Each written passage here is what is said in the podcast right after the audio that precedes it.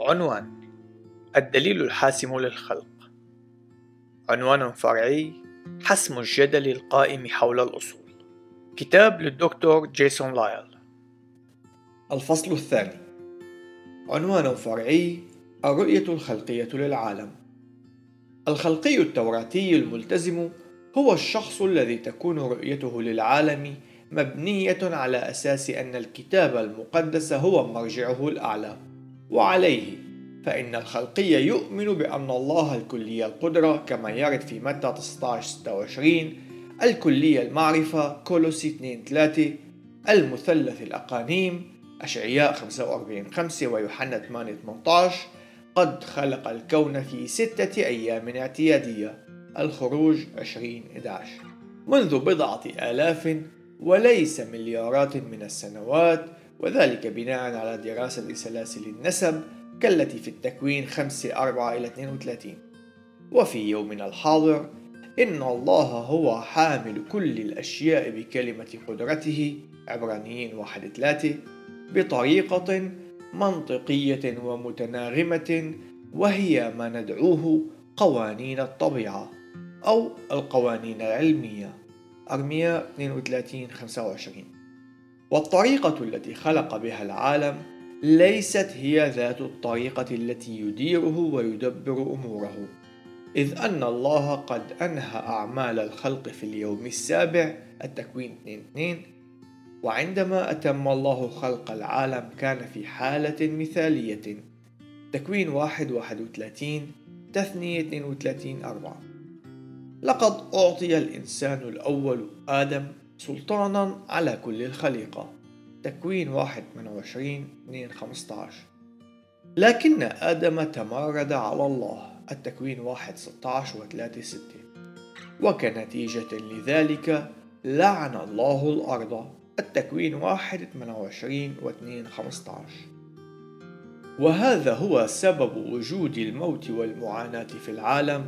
رومي 5 12 و 18 21 إلى 22 وبما أن جميع البشر الموجودين اليوم هم من نسل آدم أعمال الرسل 17 26 فنحن نمتلك جميعا الطبيعة الخاطئة ونتمرد على الله من خلال عصيانه ومخالفة أوامره.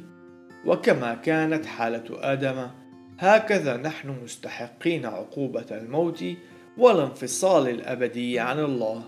وهذا هو السبب الذي من أجله ووفقا اللاهوت المسيحي قد تجسد الإله متخذا طبيعتنا البشرية. يوحنا واحد في الآيتين واحد وأربعة عشر ومات على الصليب.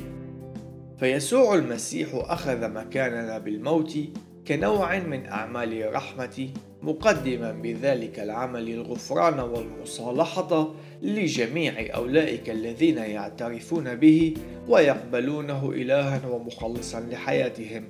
رومية عشرة في الآيتين تسعة وعشرة. إن الله قد خلق الحيوانات والنباتات الأصلية لتتكاثر وتعطي بحسب نوعها. تكوين واحد 11 21 و 25 مشيرا بذلك إلى وجود تميز بين أنواع النباتات والحيوانات إلا أنه يمكن أن يوجد تميز ضمن النوع الواحد.